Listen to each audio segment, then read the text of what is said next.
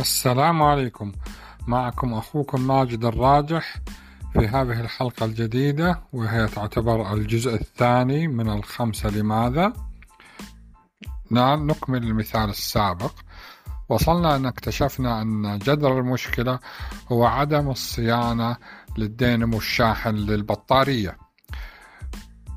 فإذا أكملنا التشبيه السابق بأن المشكلة هي عبارة عن شجرة تتكون من أوراق وهو أعراض المشكلة وجذع الشجرة وهو المشكلة وجذور المشكلة وهي الأسباب الحقيقية المسببة للمشكلة. فإن أعراض المشكلة كانت هي البطارية. فإذا غيرنا البطارية لم نحل المشكلة. سوف ترجع السيارة تخرب ثاني يوم ولا ثالث يوم ولا بعد شهر.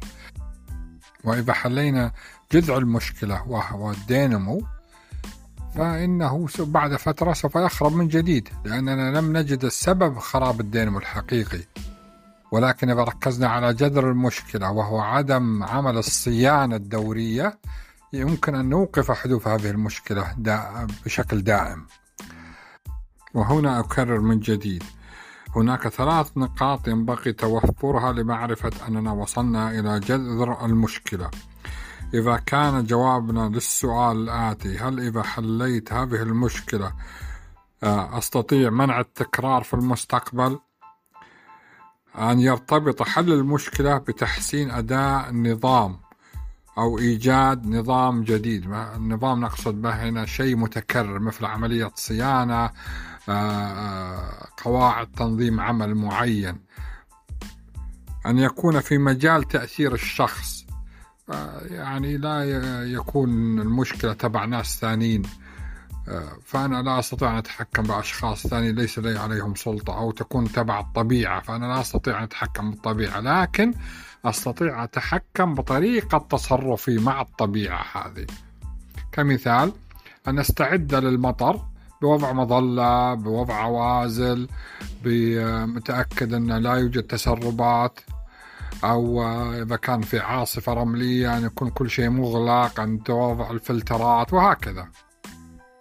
الخمسة لماذا لها فوائد كثيرة ولكن سوف أركز على أربع أو خمس فوائد. أولا سهولة الاستخدام فيسهل استخدامها وتطبيقها دون الحاجة إلى الاستعانة بأي من الأساليب الإحصائية. ثانيا الفعالية العالية تساعد على الفصل والتفر والتفرقة بين أعراض المشكلة وبين أسباب المشكلة.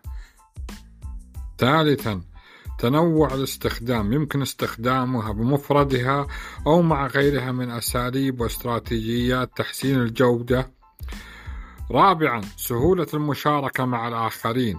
خامسا غير مكلفة لا تكلف أي مصاريف استخدام أو وسائل خاصة.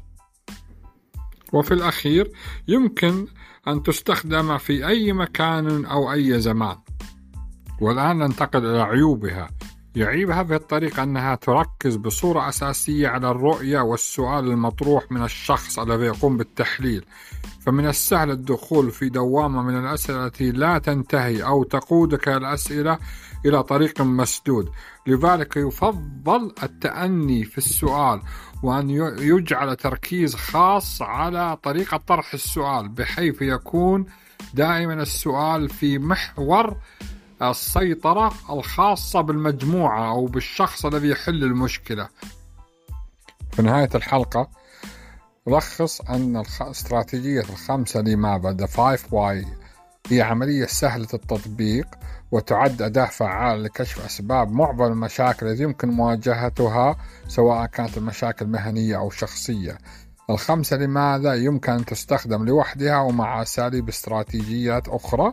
ويفضل البدء بها لسهولتها قبل الانتقال إلى أساليب أكثر تعقيدا. ولقد وضعت في نفس الوصف آه، رابطا لمقال بسيط عن الخمسة. لماذا؟ مع نماذج ممكن استخدامها في الخمسة لماذا البسيطة؟ وشكرا.